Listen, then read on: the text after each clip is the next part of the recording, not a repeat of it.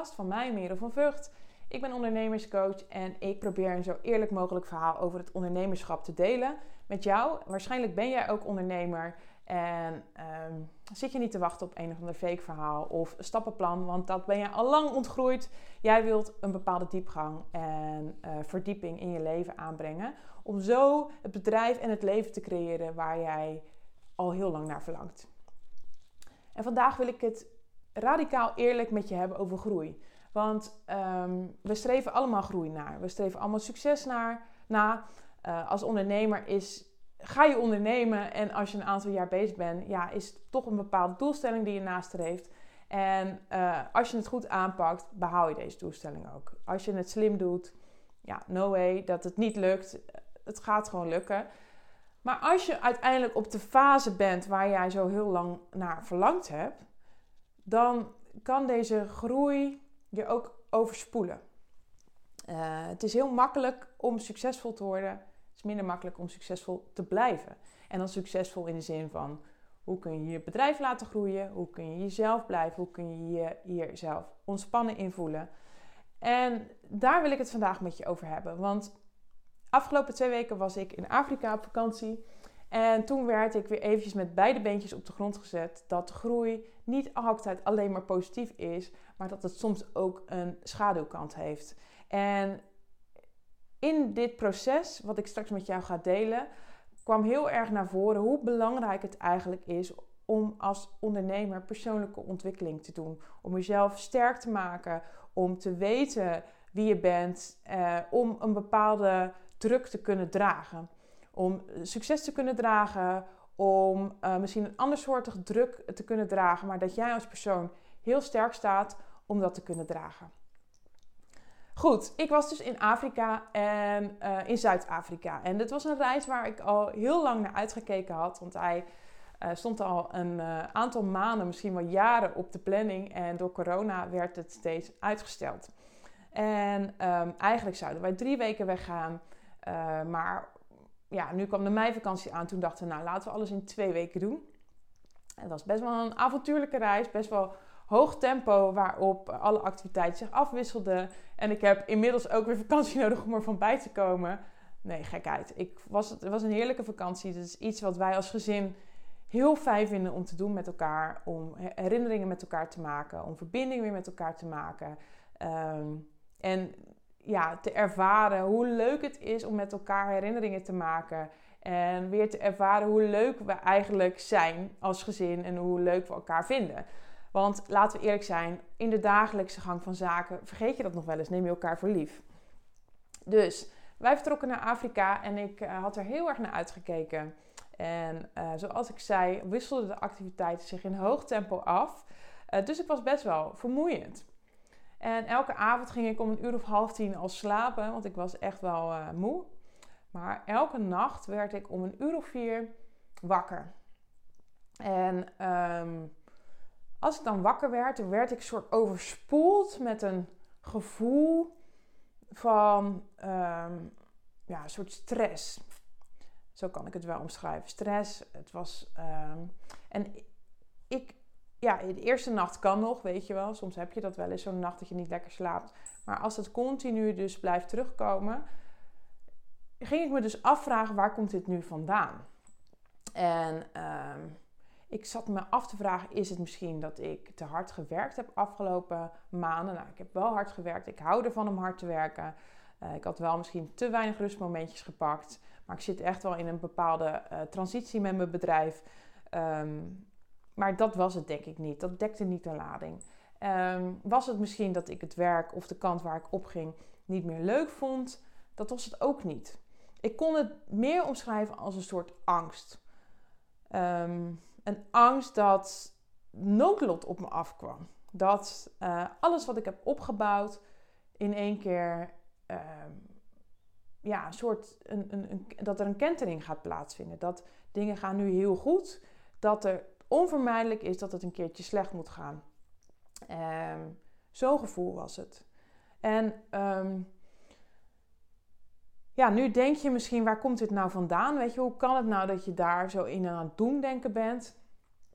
Ja, het is nu eenmaal zo dat ik de ervaring had dat wanneer ik iets heel graag wilde in mijn leven, uh, dat het uitliep op niks. Dat ik gewoon super vaak gefaald heb in, de, uh, ja, in, in bepaalde um, initiatieven die ik nam.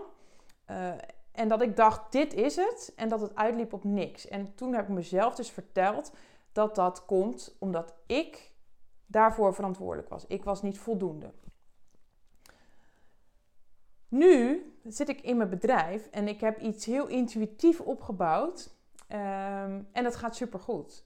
Ik voel me er goed bij. Ik, ben, ik heb me nog nooit zo goed gevoeld in, uh, in, een, in een baan. Of in, ja, in mijn ondernemerschap kan ik niet zeggen. Want dit is de eerste onderneming die ik natuurlijk heb opgericht.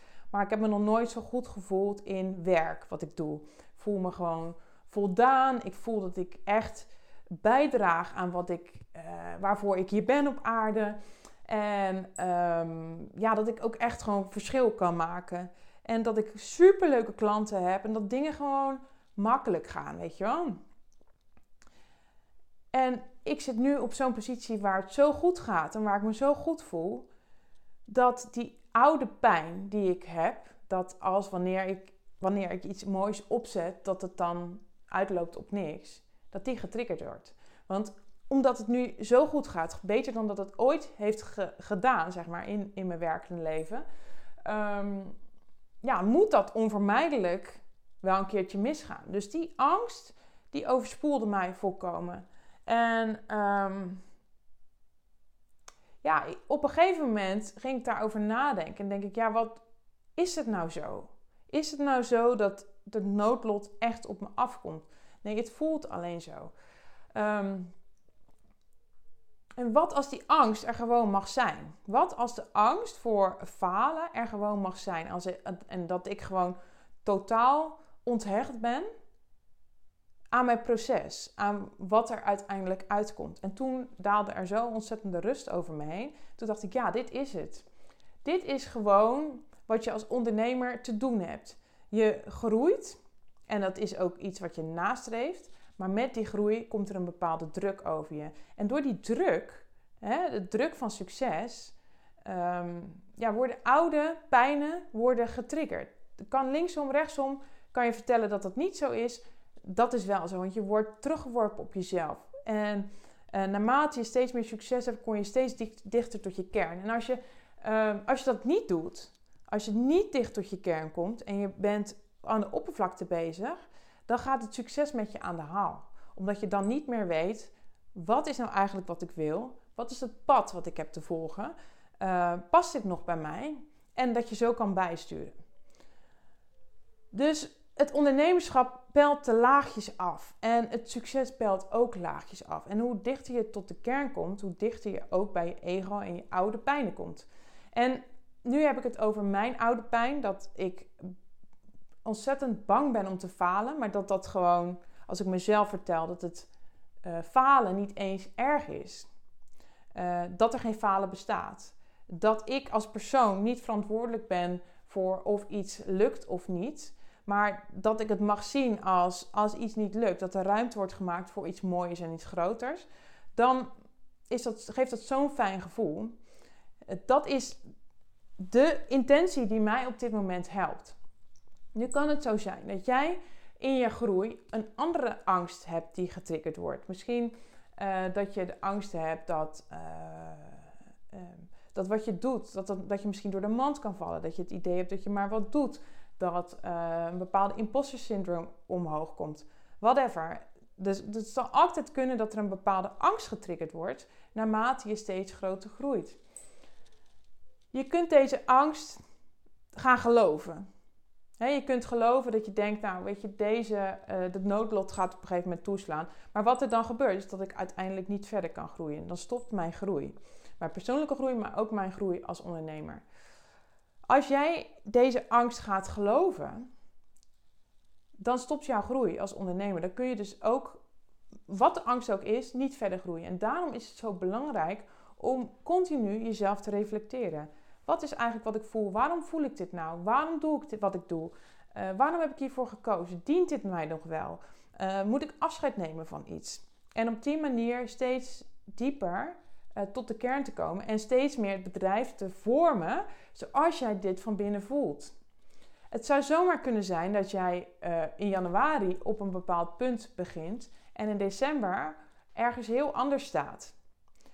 Het gevoel moet goed zijn. De essentie moet goed zijn en de vorm, ja, die, die is, daar kan je gewoon mee spelen. Dat hoef je niet al te bedenken. Dat gaat zichzelf vormen, omdat jij als persoon hierin liep. Ik ben heel erg benieuwd hoe jouw visie is op groei en of jij ook wel eens ervaren hebt dat er een bepaalde schaduwkant aan vastzit. Of dat je alleen maar positieve ervaringen hebt over groei. Dan, ja, dan zou ik dat ook heel graag willen horen. Want ehm, als ik kijk naar mezelf, merk ik gewoon dat er bij de groei ja, bepaalde lagen worden getriggerd. En uh, ja, dat je als jij verder wilt gaan als persoon, heel sterk mag staan. En uh, ook die diepere lagen aan mag kijken. Omdat als je dat niet doet, je een bepaalde kracht mist en een bepaalde uh, draagkracht mist. Maar ook kracht als persoon om dat te kunnen dragen. Um, wat ik wel nog even wil zeggen is dat ik heel erg zie in de markt dat daar wel gekeken wordt naar mindset of uh, bepaalde persoonlijke ontwikkeling, maar dat dat zo oppervlakkig is dat dat niet die diepere lagen gaat aanspreken. Dus dat je bepaalde tools of tricks krijgt om hier naar te kijken, maar dat dat zo oppervlakkig is dat het niet werkt. Dus dat je dan nog een bevestiging hebt dat bepaalde dingen misschien niet lukken of dat je het niet waard bent, omdat uh, deze oude overtuigingen niet weggenomen worden. Dit is de reden waarom ik in mijn coaching, ik ga gewoon ongegeneerd mijn eigen coaching een beetje pitchen, mag af en toe wel, denk ik. Um, maar waarom ik in mijn coaching persoonlijke ontwikkeling zo ontzettend belangrijk vind. En dat ik vind dat persoonlijke ontwikkeling en groei als ondernemer, dat dat de basis is van jou als succesvolle ondernemer. En dat als jij jouw vorm van succes wil hebben, dat je dat no matter what voor jezelf kan creëren. Dat geloof ik met alles wat ik heb. Uh, maar dat daar wel een bepaalde mate van inzicht voor nodig is en groei. En dat jij sterk mag staan. En dat daar persoonlijke ontwikkeling voor nodig is. En dat um, ja, dat ik met mijn ervaring in persoonlijke ontwikkeling, ik ben op mijn veertiende al in contact gekomen met persoonlijke ontwikkeling. Op mijn veertiende, uh, ik weet niet, volgens mij heb ik dit nooit verteld in mijn nieuwe podcast. Misschien moet ik daar uh, eens een keer een op een. Uh, een, een nou, ik kom gewoon niet op het woord. Misschien moet ik daar eens een keer een podcast over opnemen. Over mijn reis in persoonlijke ontwikkeling. Als je het leuk vindt, moet je me dat maar even laten weten. Maar op mijn veertiende had ik een eetprobleem. En ehm, toen raakte ik al in contact met persoonlijke ontwikkeling. En toen ben ik keihard aan mezelf gaan werken om mezelf sterker te maken. En dat werd steeds groter, groter, groter. Ik heb zoveel gezien, zoveel gedaan. Ik heb, uh, noem het maar op, ik heb het, uh, ik heb het aangekeken.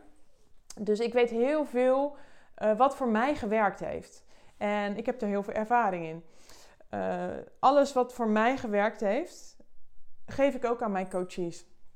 En ik durf met zekerheid zeggen dat ik een bepaalde mix heb gevonden tussen strategie en persoonlijke ontwikkeling, waarin uh, familieopstellingen aan uh, de beurt komen, waarin uh, eh, EFT aan de beurt komt, waarin hypnose aan de beurt komt, waarin heel veel persoonlijke ontwikkeling aan de beurt komt die, die jij nodig hebt. Het zit allemaal in mijn rugzakje en ik haal tevoren tevoorschijn wat jij op dat moment kan gebruiken als jij in een bepaalde val loopt. Ehm, en dat dan koppelen aan strategie, waardoor jij niet een holle versie van jezelf nastreeft en uh, iets nastreeft een bepaalde mate van succes die uiteindelijk een gouden kooi voor je gaat zijn, omdat je denkt dat je aan heel veel dingen moet verwachten of aan heel veel verwachtingen moet voldoen, maar het niet jou voelt als persoon, maar dat het dan gewoon een diepgaandere manier van groei is. Um, ik vind dat heel belangrijk om dat te benoemen. Omdat ik denk dat jij als succesvolle ondernemer, jij misschien denkt van ja, ik ben toch sterk, ik kan het allemaal zelf. En dat geloof ik ook. Maar dat die diepere lagen, dat die ervoor gaat zorgen dat je nog sterker wordt. En dat je dat echt mag aankijken. Of je het eng vindt of niet, hoe dan ook, het gaat je sterker maken. Dus um, dat wilde ik even met je meegeven. Ik ben heel erg benieuwd wat jij, jouw visie van succes is, van jouw ervaring. Of jij ook uh, ervaring hebt in schaduwkanten van succes, dan kun je me dat altijd laten weten. Ik vind het super leuk om van je te horen wat je van deze podcast vond. Uh, stuur me een DM op Instagram. Merel van Vught kun je me vinden. Of uh, stuur me een mail op info.merenvanvught.nl En het lijkt me leuk om jouw visie te horen en hierover door te praten. Um, tot zover mijn podcast. Um, ik, uh, ik hoop dat je ervan genoten hebt. Dat je eruit kan halen uh, wat jou dient. En het lijkt me superleuk om je volgende keer weer te mogen verwelkomen bij een nieuwe podcast. En voor nu wens ik jou een hele fijne dag. Dankjewel voor het luisteren. Bye bye.